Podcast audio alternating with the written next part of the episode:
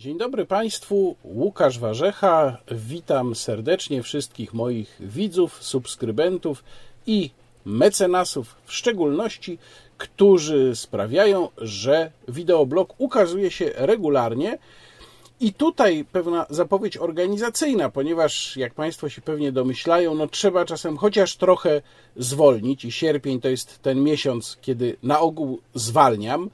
Więc y, proszę się spodziewać, że przez najbliższe, no przynajmniej kilkanaście dni, może około dwóch tygodni, y, wideoblogi w tej formie, y, w jaki, do jakiej się Państwo przyzwyczaili, ukazywać się nie będą, ale postaram się żeby coś jednak na kanale się znajdowało, chociaż będę działał w warunkach no, trudniejszych niż te moje tutaj, które Państwo e, znają, również technicznie trudniejszych. Jak to wyjdzie, zobaczymy z góry. Proszę o wybaczenie, że będzie to pewne zakłócenie, ale myślę, że to Państwo doskonale rozumieją. Raz w roku taka sytuacja może się zdarzyć.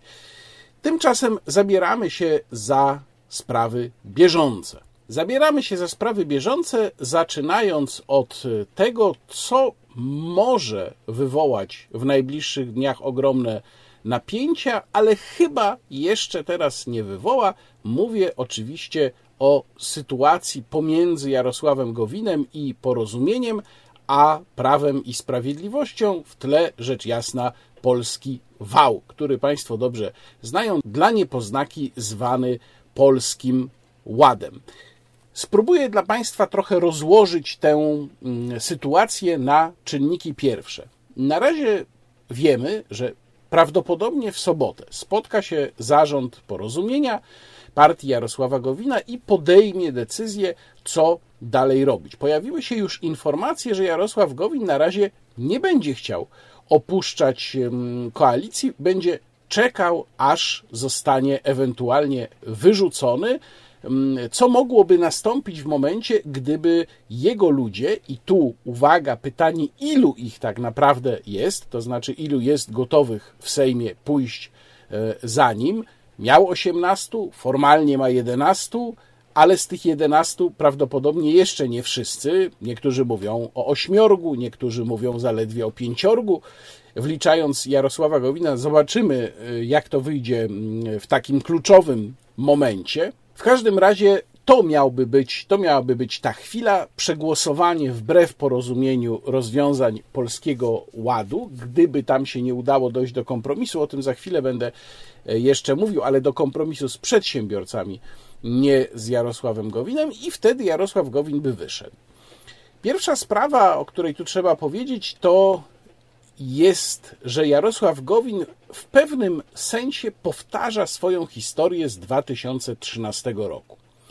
2013 rok w pamięci politycznej wielu nawet uważniejszych obserwatorów polityki, to już jest jakaś prehistoria. A tymczasem proszę sobie przypomnieć, jak Jarosław Gowin wszedł w konflikt coraz poważniejszy z Donaldem Tuskiem, jak przestał być w 2013 roku ministrem sprawiedliwości, ale jak się bujał z opuszczeniem Platformy Obywatelskiej. Wszyscy wiedzieli, że to są właściwie już y, ostatnie, być może tygodnie Jarosława Gowina. Niektórzy i tu powtarza się ta historia. Mówili to już ostatnie dni, a Jarosław Gowin trwał w tej platformie cały czas. Trwał i trwał. Jeszcze rzucił wyzwanie Donaldowi Tuskowi, jeżeli mm, chodzi o rywalizację o stanowisko przewodniczącego platformy. I tak trwał w tej platformie, no póki wreszcie nie założył, wówczas to się nazywało jeszcze Polska Razem, potem się zmieniło dopiero parę lat temu w porozumienie, póki nie założył Polski Razem, no i wtedy już rzeczywiście opuścił y, partię, mm, do której wtedy należał, czyli Platformę Obywatelską, wyszedł, no i później wiemy już, jak się sprawy potoczyły. Znalazł się na listach Prawa i Sprawiedliwości ze swoimi ludźmi i wspólnie z PiSem utworzył rząd w 2015 roku, zostając zresztą ministrem e, nauki, a miał przecież zostać ministrem obrony zamiast Antoniego Macierewicza. To też wydaje się prehistoria, ale proszę sobie przypomnieć, jak wtedy wyborcy zostali oszukani. Mówiło się, że Jarosław Gowin będzie ministrem obrony, no i później cyk, sprytny manewr i ministrem obrony został niestety Antoni Macierewicz. No w każdym razie, e, w tamtym czasie, czyli te 8 lat temu, obserwatorzy postępowania Jarosława Gowina wskazywali, że przeciągać takiej sytuacji nie można bez końca.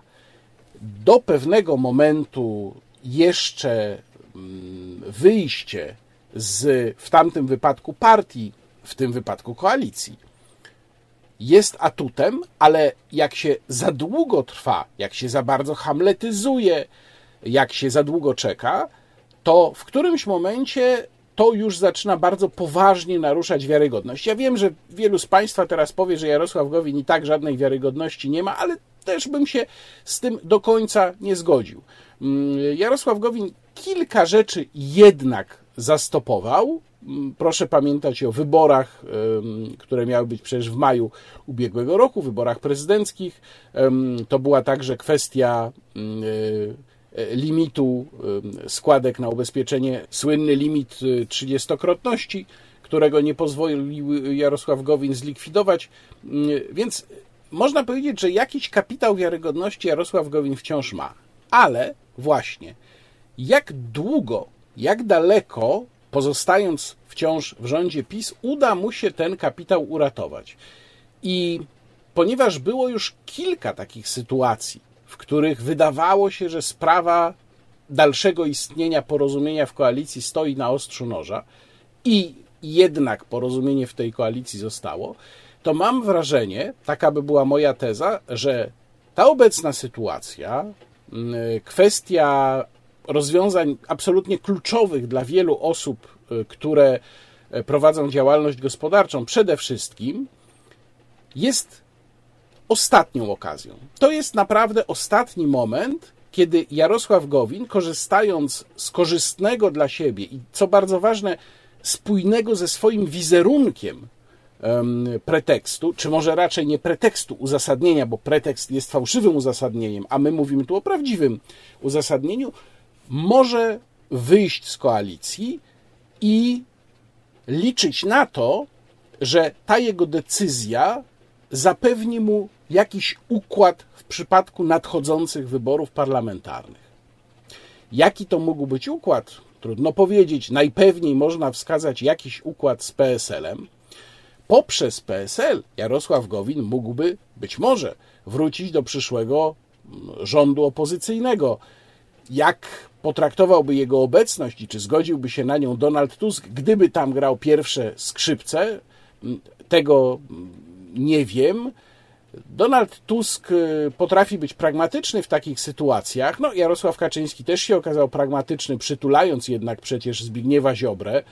Mm, y, też po konflikcie, y, zwłaszcza gdyby Jarosław Gowin wracał właśnie okrężną drogą, czyli poprzez przymierze z PSL-em. No ale na wiele by pewnie nie mógł liczyć, bo jego partia jednak jest bardzo słaba i sondażowo, i personalnie w Sejmie. Tak czy owak, wydaje się, że to jest rzeczywiście ostatni moment, ale to nie znaczy wcale, że ten moment musi nastąpić już w sobotę i pewnie on rzeczywiście w sobotę nie nastąpi.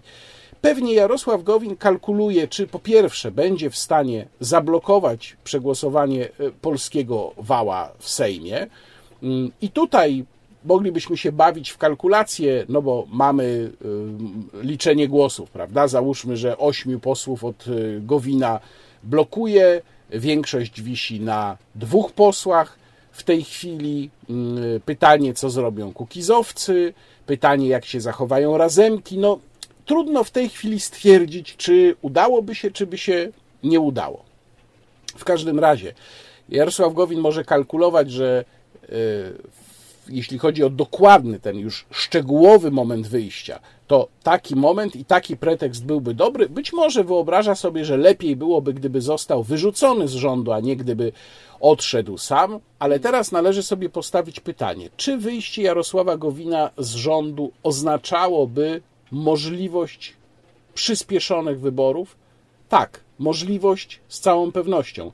Nie byłoby to pewne, bo Jarosław Kaczyński mógłby zdecydować się e, próbować zbierać większość ad hoc lub ewentualnie dołączyć kogoś, mm, no, na przykład z tego nieszczęsnego kukizowego koła bezpośrednio już do klubu mm, Prawa i Sprawiedliwości i jeszcze dowieść do 2023 roku.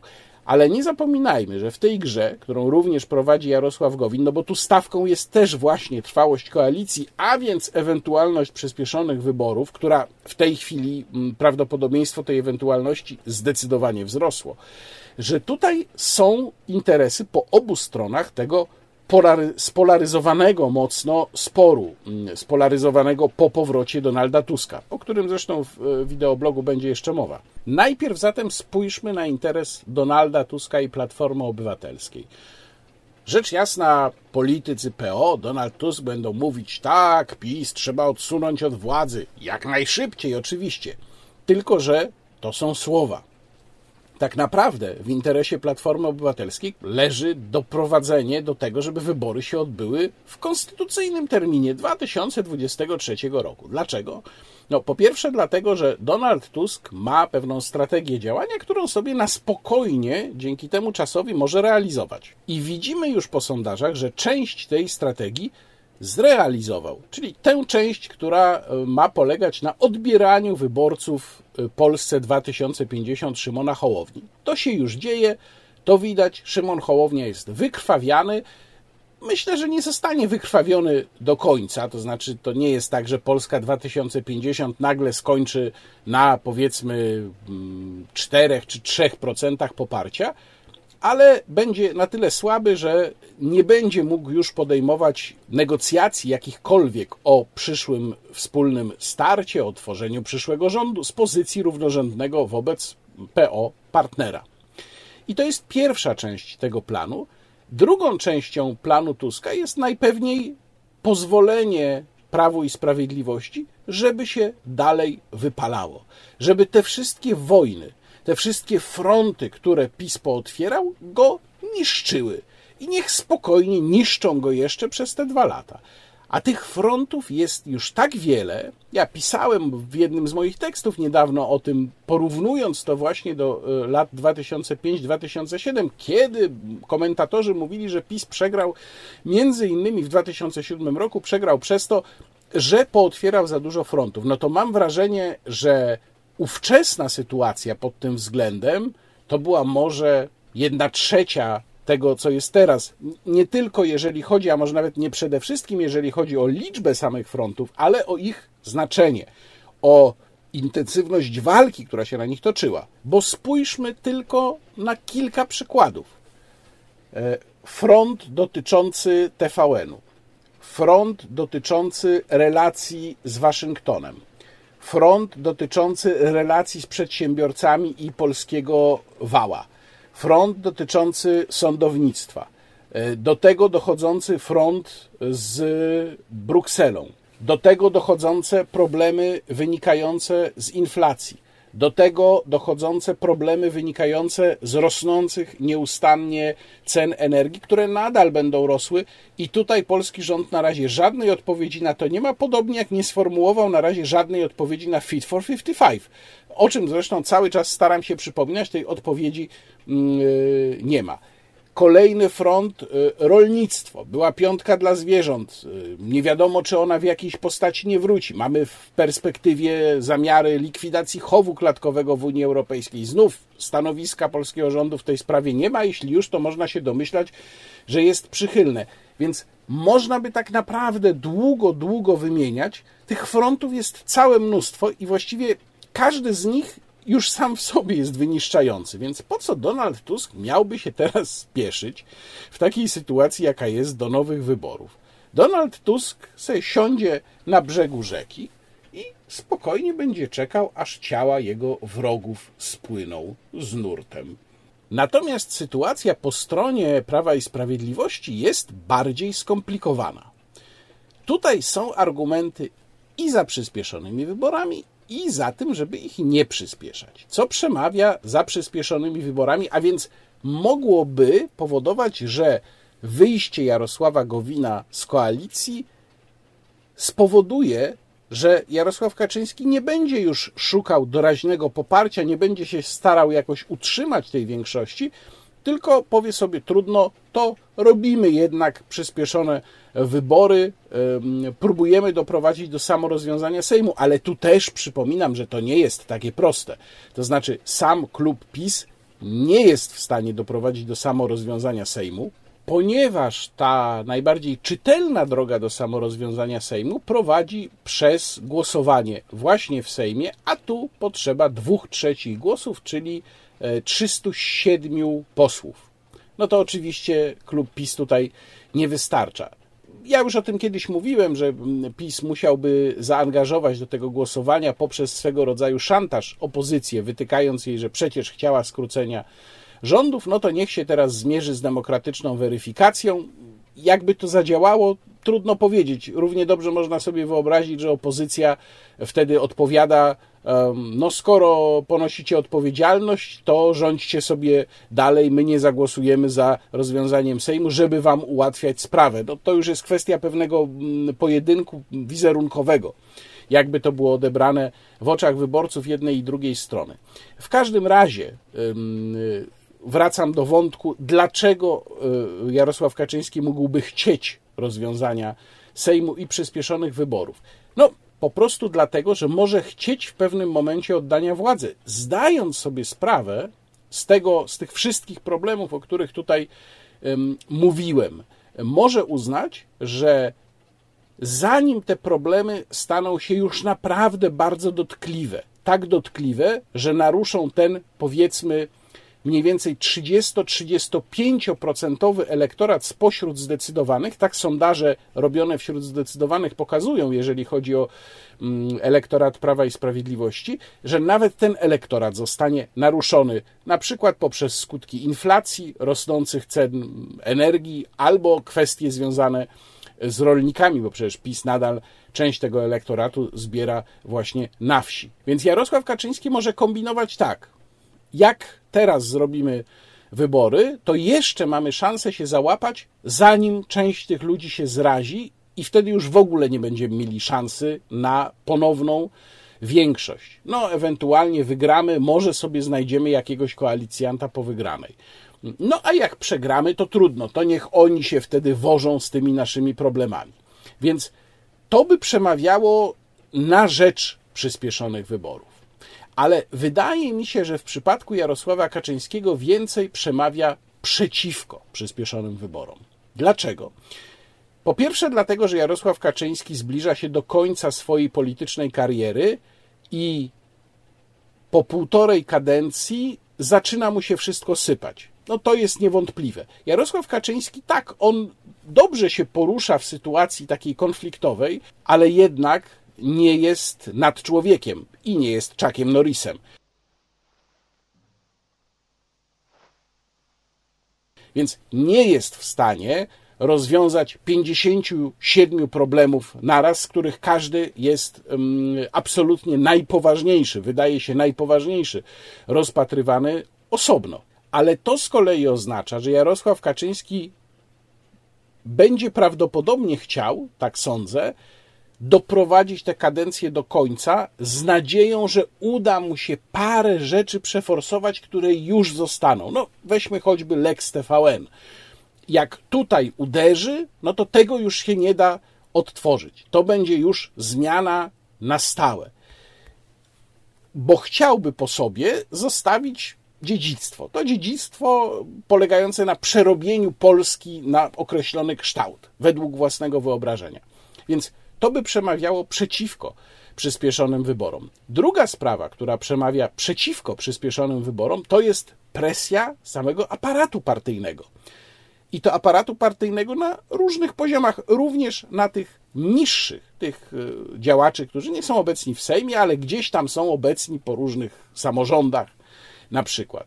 I oni z całą pewnością nie chcieliby oddawać fruktów władzy. Mm, uchwała przeciwko nepotyzmowi mm, nie mówi przecież nic o tym, że nie można zatrudniać na przykład znajomych albo jakichś tam dalszych powinowatych. Ona mówi tylko o krewnych. Teraz mówię w kontekście spółek Skarbu Państwa.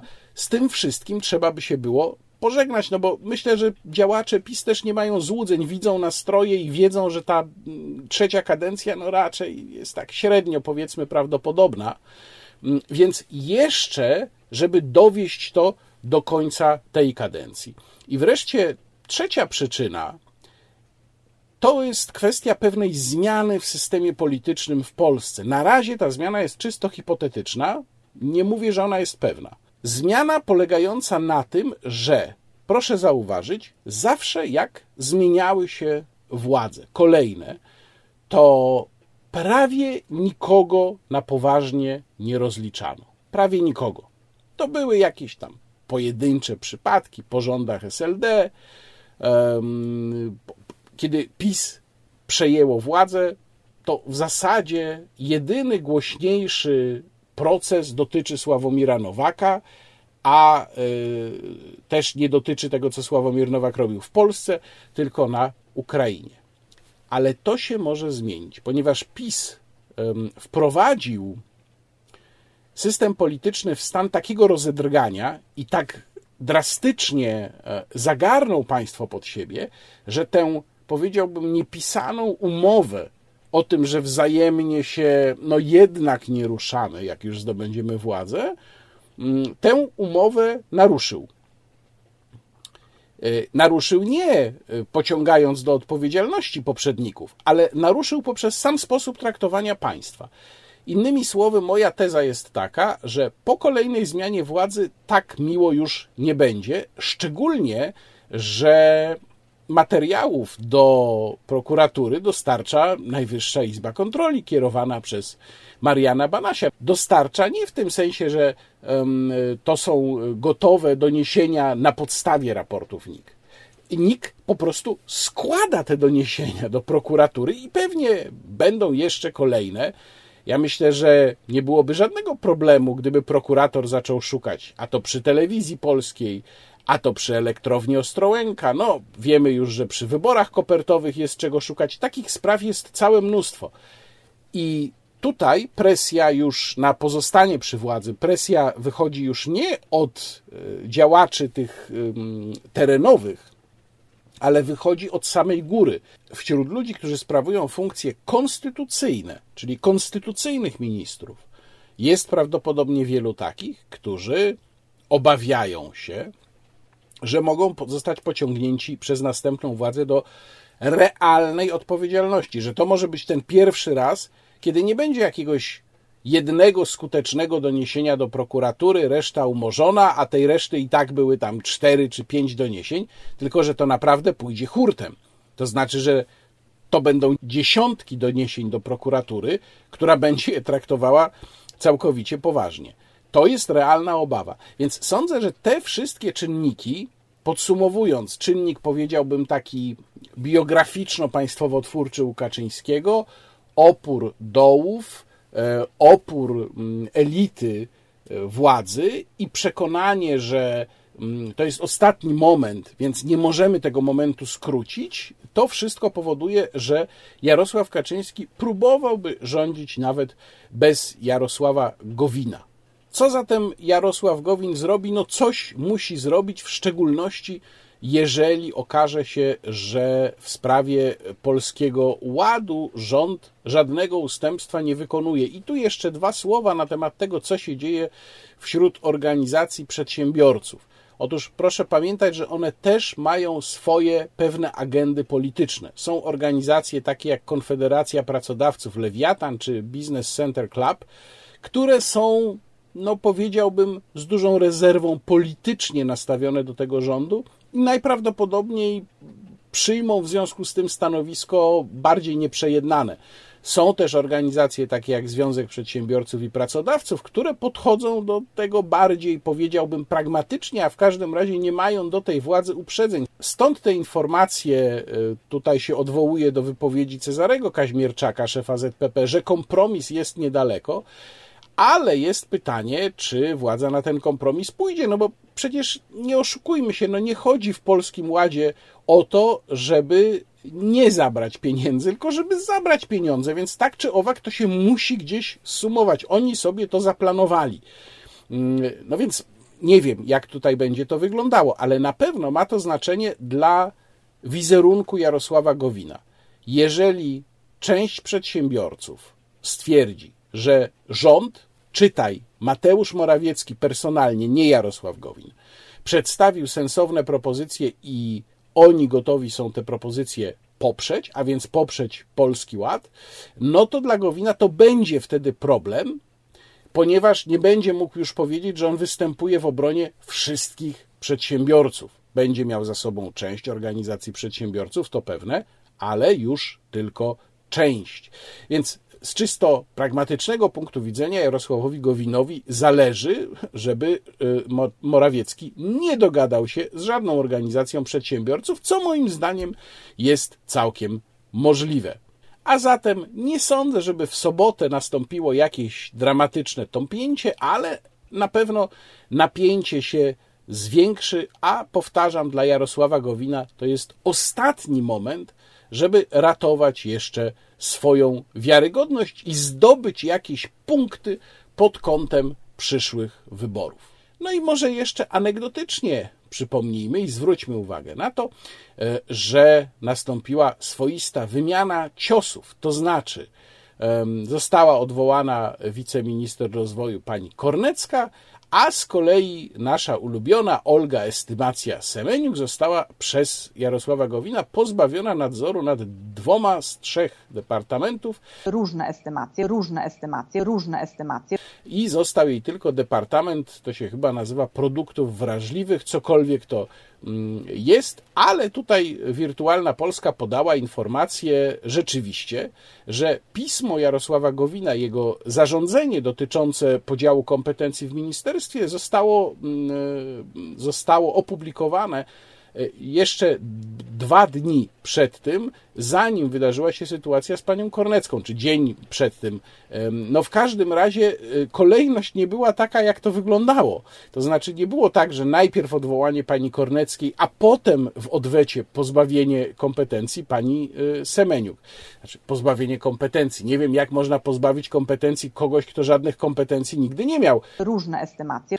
No ale to jest już zupełnie inna sprawa. W każdym razie pani estymacja Semeniuk będzie musiała teraz zająć się już tylko produktami wrażliwymi, więc może przestanie wreszcie szlajać się po mediach i y, wygłaszać te swoje różne głodne kawałki. Różne estymacje. I to być może jest jeden przynajmniej pozytywny efekt bezpośredni całej tej awantury. Druga sprawa, o której chcę Państwu powiedzieć, to zarzuty, które wysunął Donald Tusk pod adresem naszego tygodnika, tygodnika do rzeczy, a konkretnie pod adresem e, mojego redaktora naczelnego Pawła Lisickiego i mojego kolegi redakcyjnego Rafała Ziemkiewicza. To było podczas e, spotkania na żywo z internautami, gdzie Donald Tusk przez około godzinę odpowiadał na napływające pytania, no i między innymi mówił o polexicie. I mówił tak. Ale, y te regionalne formaty to jest kwestia drugorzędna wobec tego, co jest gwarancją sukcesu, niepodległości i dobrobytu Polaków. I to jest oczywiście nasza obecność w Unii Europejskiej i nasz sojusz transatlantycki ze Stanami Zjednoczonymi. Mówię o tym tak mocno, bo Państwo pewnie zauważyliście, że ja od, od dłuższego czasu ostrzegam przed ryzykiem polexitu ostrzegam przed tym, że strategia rządu pisowskiego może doprowadzić, nawet jeśli tego nie chcą, może doprowadzić do rozpadu Unii Europejskiej i do po, ponownie do takiej totalnej samotności Polski, która wiadomo z jakimi konsekwencjami może się, się wiązać. Mówię o tym dzisiaj znowu, bo no, raptem wczoraj, to jest y, y, ponury zbieg okoliczności, rzecznicy tacy medialni y, PiSu i, i, i władzy rządu Jarosława Kaczyńskiego, y, Mateusza Morawieckiego bardzo otwarcie. Mówię tu o tygodniku do rzeczy, redaktorach y, Lisickim i Ziemkiewiczu. Otwarcie powiedzieli, że ich zdaniem Polska trzeba, jeśli się myśli o polskiej suwerenności, trzeba zacząć mówić otwarcie o polexicie, czyli o wyjściu Polski z Unii Europejskiej. Więc proszę Państwa, chcę bardzo mocno to powiedzieć. to jest właśnie ruski ład, ruski ład, ruski ład. Użyłem tego sformułowania, ono jest zbyt mocne. y, y, y, Właściwie zacytowałem jedną z y, y, gdańszczanek, która do mnie podeszła i właśnie zapytała, czy to, co się dzieje w Polsce, to nie jest ruski ład. Ci wszyscy, którzy, ci wszyscy, którzy coraz bardziej otwarcie mówią, że lepiej byłoby wyjść z Unii Europejskiej, że to jest jakiś pomysł na suwerenność, to oni są, oni nam projektują właśnie ruski ład. Donald Tusk jest bez wątpienia człowiekiem bardzo inteligentnym. Ja mam go za osobę intelektualnie niezwykle sprawną, w związku z czym nie wierzę, żeby Donald Tusk e, e, serio traktował to, co sam mówi na temat tego, jak to my, w sensie do rzeczy, jesteśmy rzecznikami medialnymi Jarosława Kaczyńskiego i Mateusza Morawieckiego. Każdy, kto czyta tygodnik do rzeczy, wie doskonale, że tak nie jest i nie muszę Państwu wymieniać tematów, w których mamy mm, zdanie jako redakcja inne niż rząd i niż pan premier. Kwestie takie jak lockdowny, jak polityka epidemiczna, jak e, sprawy dostosowania się do polityki klimatycznej. No dużo by tu można wymieniać. Donald Tusk to oczywiście doskonale wie, więc e, robi z nas rzeczników Mateusza Morawieckiego i Jarosława Kaczyńskiego, dlatego że mu to pasuje do jego wywodu. A ten wywód jest taki, że kto mówi o polexicie, to ten jest za, jak to Donald Tusk ładnie określił, ruskim ładem. Ja zresztą nie mam pretensji o to określenie, tu Donald Tusk się tak sumitował, że ono jest takie ostre, bardzo zgrabne mm, politycznie, chwytliwe określenie. Myślę, że wejdzie nawet w pewnym stopniu do języka potocznego, przynajmniej tam, gdzie się mówi o polityce, więc mm, panie przewodniczący Tusku, nie ma się co tutaj kajać za jego używanie. Doceniam sprawność. Ale kompletnie nie zgadzam się z argumentacją, która jest po prostu prymitywna. To znaczy, Donald Tusk powiada tak: kto w ogóle wspomina o wychodzeniu z Unii Europejskiej, to ten jest za ruskim ładem, no czyli rozumiem, że ten jest za, nie wiem, wpadnięciem w objęcia Putina. Ja już wielokrotnie mówiłem, że tak, decyzja o tym, czy pozostawać w Unii, czy nie, jest bardzo trudna, że to nie jest jakaś prosta kalkulacja, że jest mnóstwo złych stron wyjścia z Unii Europejskiej, że Unia Europejska to jest polityczne bezpieczeństwo. No ale nie można podchodzić do tego w ten sposób, że cokolwiek by się nie stało, a y, Paweł Lisicki i Rafał Ziemkiewicz, żeby to wyjaśnić, mówili w swoim programie, e, programie dostępnym dla subskrybentów do Rzeczy Plus, do czego namawiam, a link zamieszczam w opisie filmu, tak samo zresztą jak link do wystąpienia Donalda Tuska. Otóż mówili w swoim e, programie o tym, że należy rozważać e, kwestię pozostania lub wyjścia z Unii Europejskiej w związku e, z tym, że między innymi Trybunał Sprawiedliwości Unii Europejskiej stara się coraz bardziej poszerzyć swoje kompetencje na te obszary, które mu nie powinny podlegać. To oczywiście było mówione w kontekście zabezpieczenia dotyczącego działania Izby Dyscyplinarnej. Nawiasem mówiąc, tutaj już zdaje się, że nasz e, wspaniały rząd się z tego wycofuje. E, ja akurat w tej sprawie może nie byłbym tak radykalny, to znaczy nie powiedziałbym, że to powinno być głównym powodem podjęcia takich rozważań, choć jestem, tu się zgadzam, absolutnie przeciwnikiem tego, żeby TSUE mogło sobie tak dowolnie poszerzać kompetencje. E, no ale ja z kolei jestem zdania, że absolutnie szaleńcza, zabójcza polityka klimatyczna Unii Europejskiej to jest z kolei powód, dla którego powinniśmy zacząć no, brać pod uwagę taki wariant. I do tego dochodzi jeszcze zupełnie otwarcie deklarowany plan e, ogromnej inżynierii społecznej. Mówiłem o tym w swoim wideoblogu, w którym omawiałem program E, Fit for 55. To jest program inżynierii społecznej.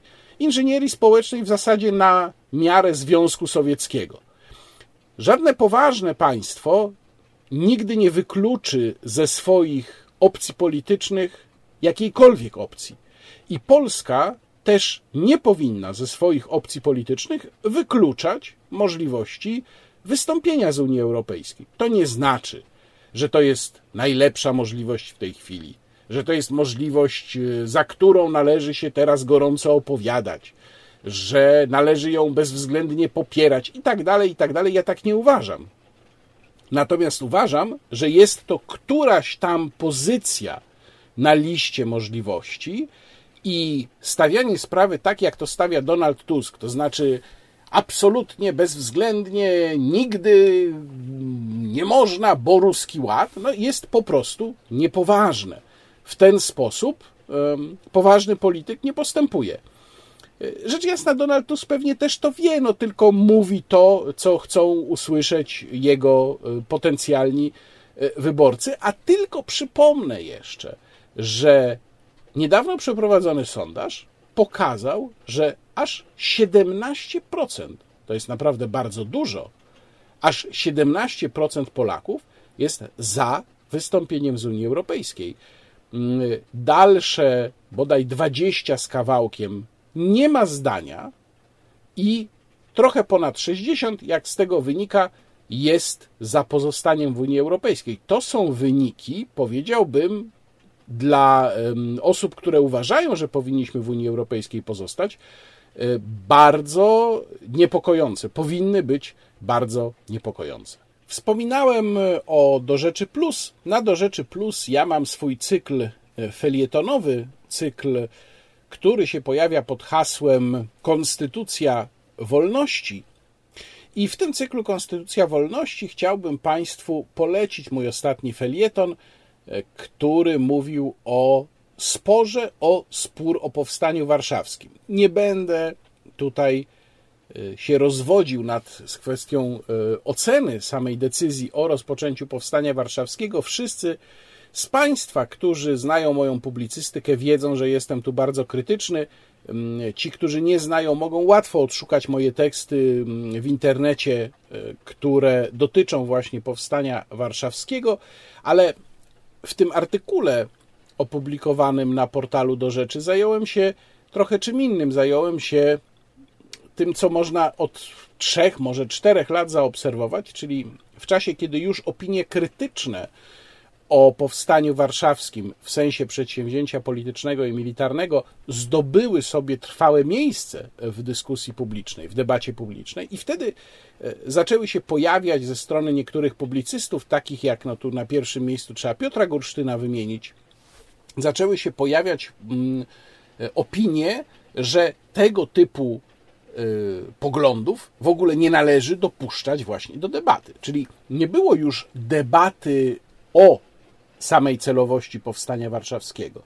Zaczęło się wykluczanie. No, na takiej samej zasadzie, jak klimatyści chcą wykluczyć tych, których nazywają negacjonistami e, klimatycznymi z dyskusji, to tutaj um, romantycy, których reprezentuje właśnie Piotr Gursztyn, chcieliby wykluczyć realistów z dyskusji o powstaniu warszawskim. Ja właśnie o tym napisałem. Ten tekst Państwu polecam, bo to jest bardzo niebezpieczna tendencja. E, to by oznaczało, że e, każdy potencjalnie, e, kto podważa jakąś część naszej mitologii historycznej, a ja uważam, że należy podważać mitologię historyczną tam, gdzie tylko jest to możliwe, bo historia ma nas czegoś nauczyć. Historia polega na prawdzie. Mitologia też jest potrzebna, no ale ona nie może być konstruowana kosztem prawdy. Taka dyskusja zawsze jest uprawniona, szczególnie jeżeli jest to dyskusja na twarde argumenty. A to, ta dyskusja o powstaniu warszawskim jest dyskusją na twarde argumenty, choć jak też w swoim tekście zauważyłem, chyba obie strony już tutaj wszystkie twarde argumenty, również te oparte na faktach, przedstawiły, więc trudno tutaj coś mm, dodać, trudno tutaj pokazać coś nowego.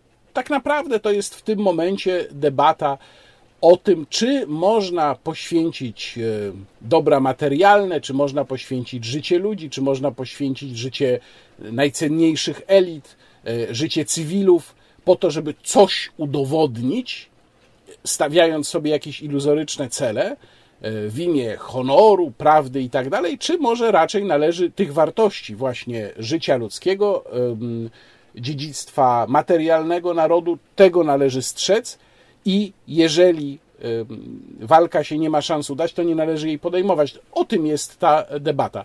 Ale sama debata jest absolutnie uprawniona I na pomysł napisania tego tekstu naprowadził mnie materiał w wiadomościach TVP 2 sierpnia, z którego to materiału można było wywnioskować, że w zasadzie kto kwestionuje sens powstania warszawskiego, ten, e, no tu można się odwołać do Donalda Tuska, jest za ruskim ładem. Trochę tak to brzmiało, to znaczy ten um, popiera taką komunistyczną narrację albo narrację niemiecką, to można sobie wybrać, prawda? Albo komunista, albo pachołek Angeli Merkel.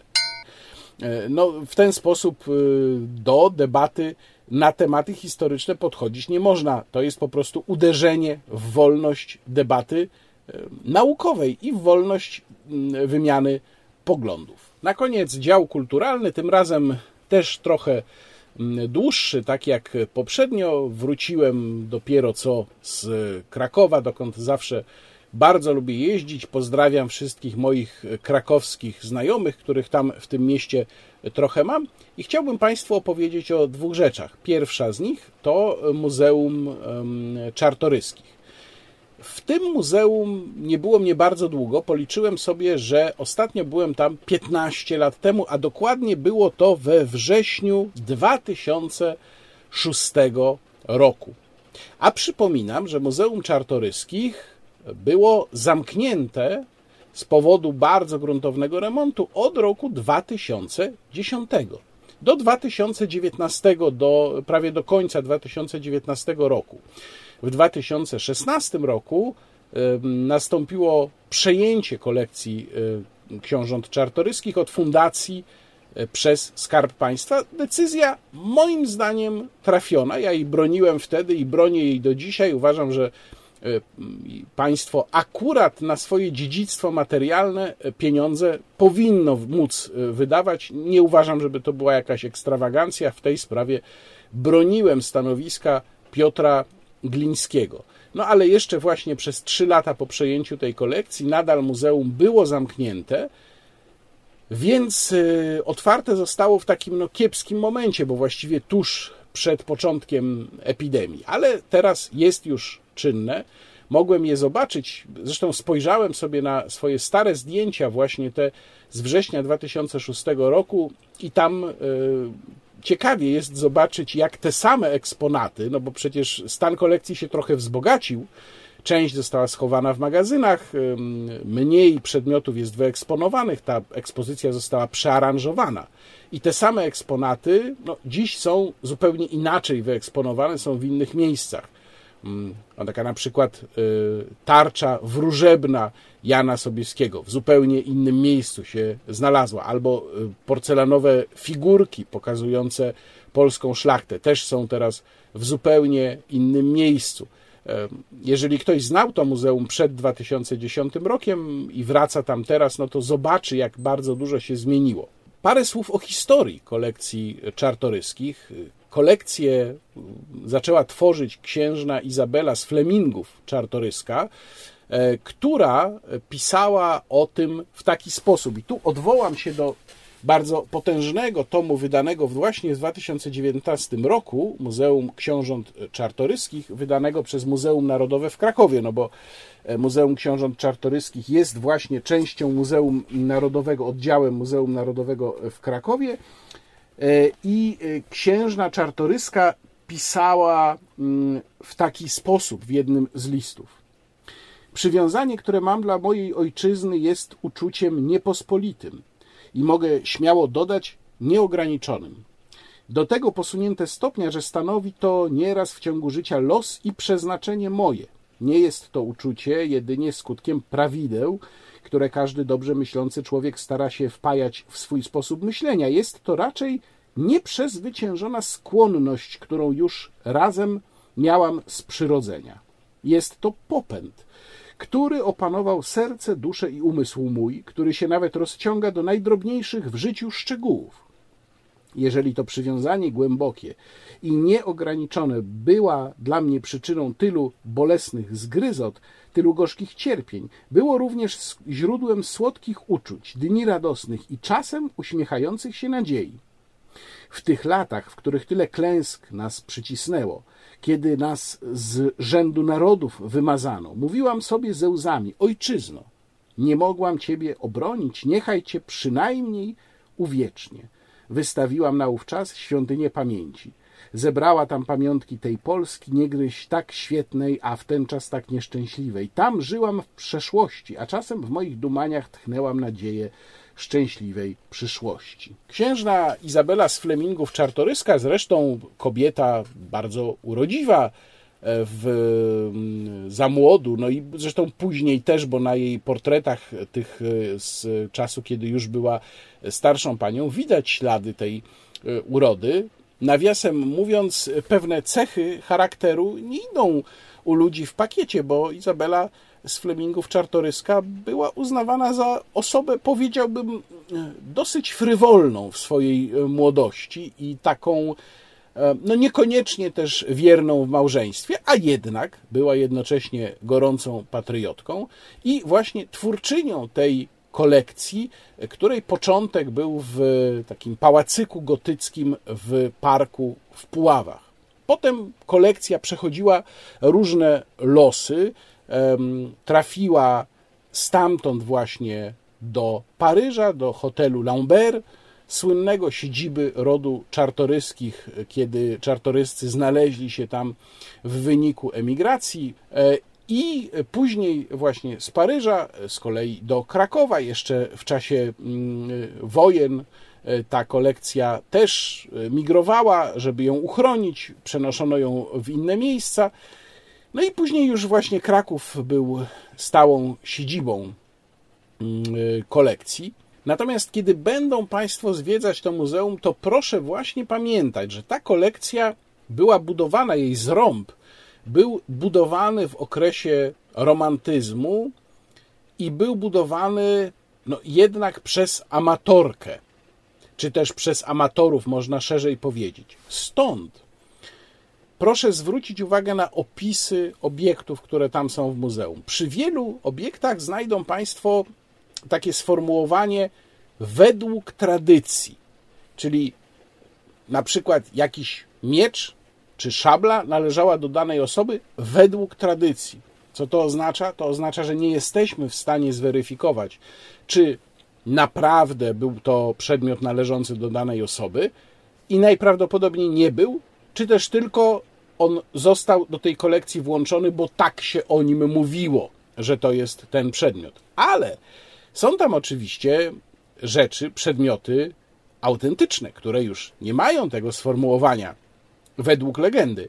I tu ciekawostka, mnie to akurat jakoś szczególnie zainteresowało. Proszę zwrócić uwagę, w jednej z sal jest gablota, w której to gablocie jest koszula króla Stanisława Augusta Poniatowskiego, którą e, tenże król miał na sobie podobno w dniu, w momencie, kiedy został porwany w 1771 roku przez konfederatów barskich. I mało tego, że jest tam ta koszula, to jest jeszcze but, który miał pożyczyć królowi, bo król zgubił but w trakcie e, tego porwania. Miał pożyczyć królowi niejaki Kuźma, jeden z porywaczy, i to był ten porywacz, który króla potem wypuścił i który w związku z tym mógł wyemigrować z Polski i nie został, tak jak pozostali porywacze, skazani, e, skazany na karę śmierci. I to jest podobno autentyczny but. To właśnie ten but, który Kuźma pożyczył królowi. Na swojej płycie Konfederacja Barska po Kowalsku śpiewał Jacek Kowalski właśnie o Kuźmie i o tym porwaniu w trakcie Konfederacji Barskiej. Tu kometa blask traci, zbledli konfederaci, jeden zaś konfederat wyszeptuje rat nie rat. Jestem Kuźma, człowiek mały, przyrzecz iż ujdę cały, a kolegów mych zdradzę, na dwór cię odprowadzę.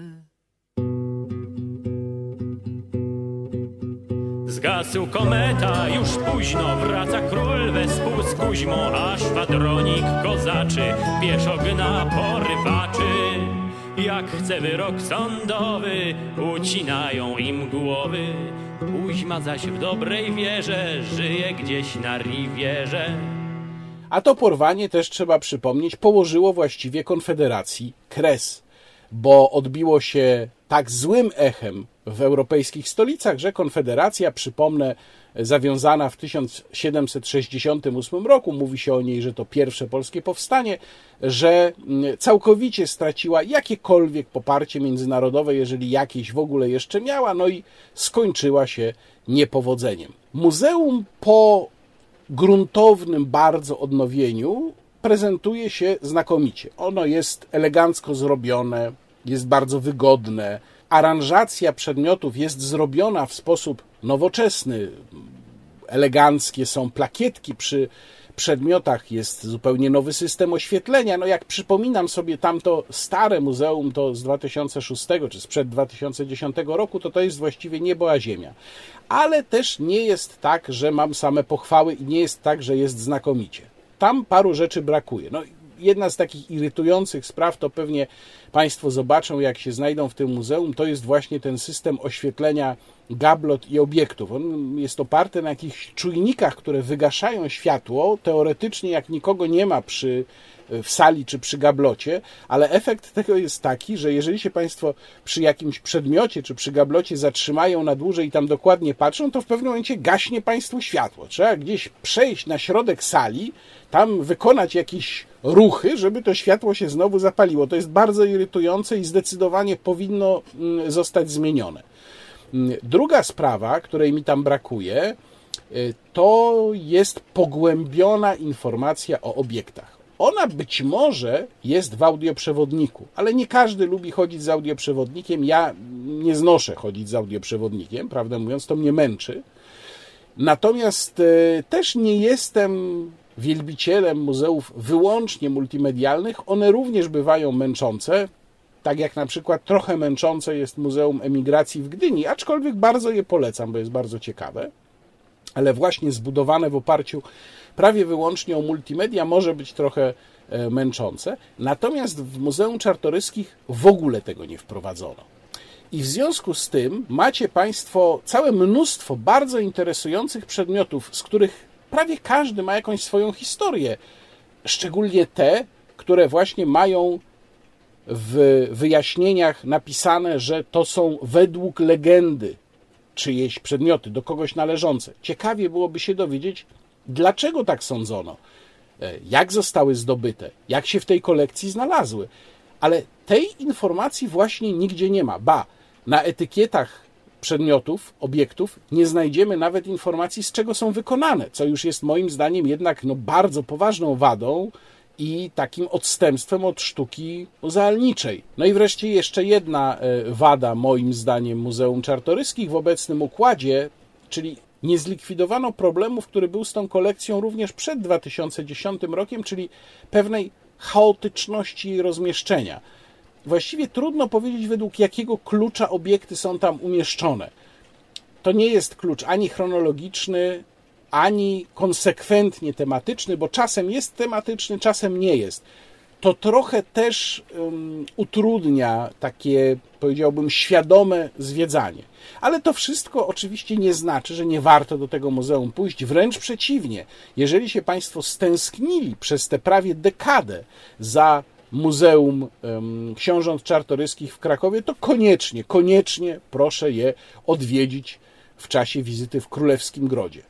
No i ostatnia rzecz, o której absolutnie muszę powiedzieć, ponieważ bardzo namawiałem Państwa wielokrotnie, żebyście Państwo się zainteresowali kwestią festiwalu Muzyka Divina organizowanego przez Fundację Incanto. A ja specjalnie do Krakowa pojechałem, żeby przynajmniej dwóch koncertów spośród pięciu festiwalowych wysłuchać. Festiwal jest osznuty wokół tematu 500-lecia śmierci. To, się, to zresztą było dokładnie prawie 500 lat temu, bo pod sam koniec sierpnia 1521 roku śmierci jednego z najwybitniejszych europejskich muzyków, Josquena de Pré. Josquin de Pré, y, francusko-flamandzki kompozytor, był też, chyba można tak powiedzieć, pierwszym y, celebrytą wśród kompozytorów był pierwszym najprawdopodobniej kompozytorem, którego dzieła ukazały się za jego życia w druku. E, kompozytorem, który był naśladowany, imitowany wielokrotnie, którego nazwiskiem inni podpisywali swoje utwory, żeby nadać im wyższą rangę i przekonać słuchaczy, że są naprawdę bardzo dobre. Był kompozytorem, o którym mawiano, tak podobno Marcin Luther o nim powiedział, że inni kompozytorzy e, robią z nutami to, na co nuty im pozwalają, a Josquin E, robił z nutami, e, co tylko chciał. Rzeczywiście twórca fundamentalny dla europejskiej muzyki, więc wokół niego jest osnuty e, festiwal. Ja mm, na festiwalu wysłuchałem pierwszego koncertu zespołu Solatco Ensemble i drugiego koncertu rosyjskiego zespołu Uzorika. Pierwszy koncert był bardzo dobry, zresztą organizatorzy zapraszają tylko artystów, którzy są bardzo dobrzy, więc to nic dziwnego. Natomiast muszę Państwu powiedzieć, że drugi koncert, kiedy pierwszy raz miałem okazję usłyszeć na żywo śpiew staroruski, staroruski śpiew religijny, tak zwany znamienny raspiew i śpiew liniowy w wykonaniu pięciu artystek zespołu Uzorika, to był wieczór absolutnie niesamowity. Tego się po prostu nie da opowiedzieć. To jest tak, jakbym się przeniósł do innego świata. Zresztą wyszedłem z kościoła, w którym ten koncert się odbywał, i właściwie przez cały wieczór nie mogłem wrócić do rzeczywistości. Znałem taką muzykę z płyt. Namawiam Państwa, żebyście je kupowali. Są zresztą płyty zespołu Uzorika w sklepie Fundacji Incanto, ale płyta to nie jest to samo.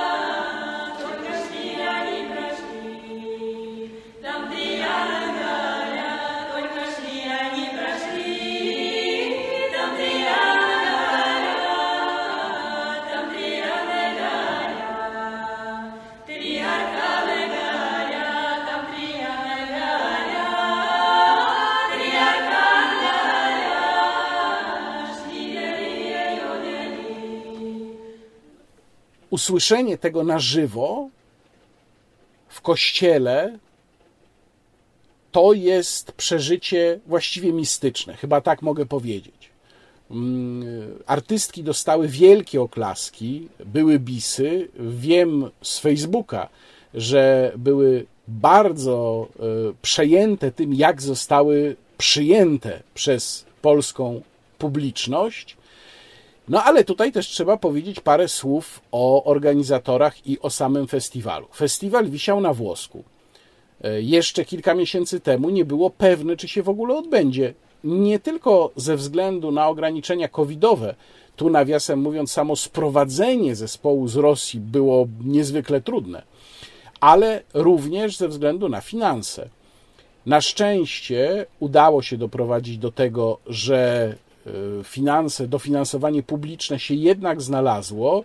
Tutaj trzeba y, skierować podziękowania do Ministerstwa Kultury, Dziedzictwa Narodowego i Sportu, bo jednak tam pieniądze na festiwal się znalazły, mimo początkowej mm, odmowy jego dofinansowania. No ale też trzeba powiedzieć o tym, że dyrektor artystyczny festiwalu i szef Fundacji Incanto Łukasz Serwiński ma taką ideę i ta idea była przypominana przez cały czas przy wszystkich koncertach, żeby Festiwal Muzyka Divina stał się festiwalem społecznym, czyli stał się festiwalem finansowanym albo całkowicie, albo w przeważającej zdecydowanie części przez samych słuchaczy, przez samą publiczność festiwalu. Do tego również Państwa namawiam. To byłby pierwszy taki festiwal tego typu muzyki w Polsce, być może w ogóle pierwszy tego typu festiwal. I bardzo kibicuję tutaj Łukaszowi Serwińskiemu. A powiem Państwu jeszcze, dlaczego warto się w to zaangażować, jeżeli tylko Państwo są słuchaczami muzyki dawnej, a może nawet jeżeli Państwo nie są, a dopiero chcieliby Państwo się w tę muzykę wciągnąć. Otóż warto się w to zaangażować, dlatego że w przypadku Fundacji Incanto mamy do czynienia z perfekcjonistami. I mówię to jako człowiek, to Państwo świetnie wiedzą, który zawsze szuka dziury w całym e, i który jest wiecznym malkontentem i z tego żyje. Ale ja tutaj po prostu nie mam się do czego przyczepić. Począwszy od wydawnictw festiwalowych, takich jak e, tegoroczna książka, a wszystkie, zapewniam Państwa, były tak wydane i y, zawierały znakomite materiały. No tutaj, przepraszam, nieskromnie powiem, jeden z tych materiałów jest mojego autorstwa jestem z niego niesamowicie dumny i jestem bardzo zadowolony, że y, Łukasz Serwiński poprosił mnie o napisanie tego tekstu. Od Pink Floyd do Bacha, jak zbudować świadomość muzyczną Tutaj jest mój tekst, ale y, wszystkie książki festiwalowe, a to już jest y, czwarta edycja festiwalu Muzyka Divina, były znakomite, więc szczegóły są dopracowane, począwszy, jak powiedziałem, od wydawnictw festiwalowych, poprzez takie drobiazgi jak typografia plakatów, poprzez kwestie organizacyjne, to jak się podchodzi do publiczności, jak działają wolontariusze, skończywszy na e, takich sprawach jak oświetlenie, e, zwróciłem na to uwagę. Oświetlenie jest w miejscach, gdzie są koncerty, jest reżyserowane, jest zmieniane w trakcie koncertu. To bardzo wzmacnia, pogłębia atmosferę takiego koncertu. Szczególny efekt to dawało właśnie w trakcie koncertu Uzoriki skończywszy, znów mówię, na takich detalach, takich drobiazgach, jak bukiety kwiatów dla artystów, gdzie inne bukiety są e, skomponowane dla kobiet, inne dla mężczyzn. Więc, e, tak jak mówię, e, Fundacja Incanto to są perfekcjoniści. To są ludzie, którym można powierzyć nasze pieniądze, którym nawet powiedziałbym, trzeba powierzyć nasze E, pieniądze, ponieważ oni z tych pieniędzy zrobią dobry użytek. Bardzo Państwa do tego namawiam, a ze swojej strony ogromne gratulacje. E, chociaż festiwal jeszcze trwa, ale ogromne gratulacje dla organizatorów, dla Łukasza Serwińskiego i całego zespołu Fundacji Incanto. Głębokie ukłony z mojej strony za tę wspaniałą robotę E, którą robicie dla popularyzacji muzyki dawnej. Mam nadzieję, że na kolejnym festiwalu będę mógł zostać e, dłużej. A e, z ciekawostek to muszę jeszcze Państwu powiedzieć, że Fundacja Incanto organizuje kolejny projekt festiwalowy. To będzie festiwal Rezonanse. Między 8 a 10 października na Podkarpaciu w Czerterzu, Bliznem i w Haczowie. Więcej informacji znajdą Państwo na www.festiwalrezonanse.pl. Link zresztą umieszczam w filmie, podobnie jak e, linki do mediów społecznościowych fundacji, gdzie również Państwo mogą zobaczyć relacje z koncertów tegorocznego festiwalu Muzyka Divina. E, I tym się z Państwem żegnam. Następny pełnowymiarowy wideoblog pewnie pod koniec sierpnia a do tego czasu mam nadzieję, że uda mi się przynajmniej w jakichś migawkach z Państwem spotkać. Łukasz Warzecha, kłaniam się. Do zobaczenia.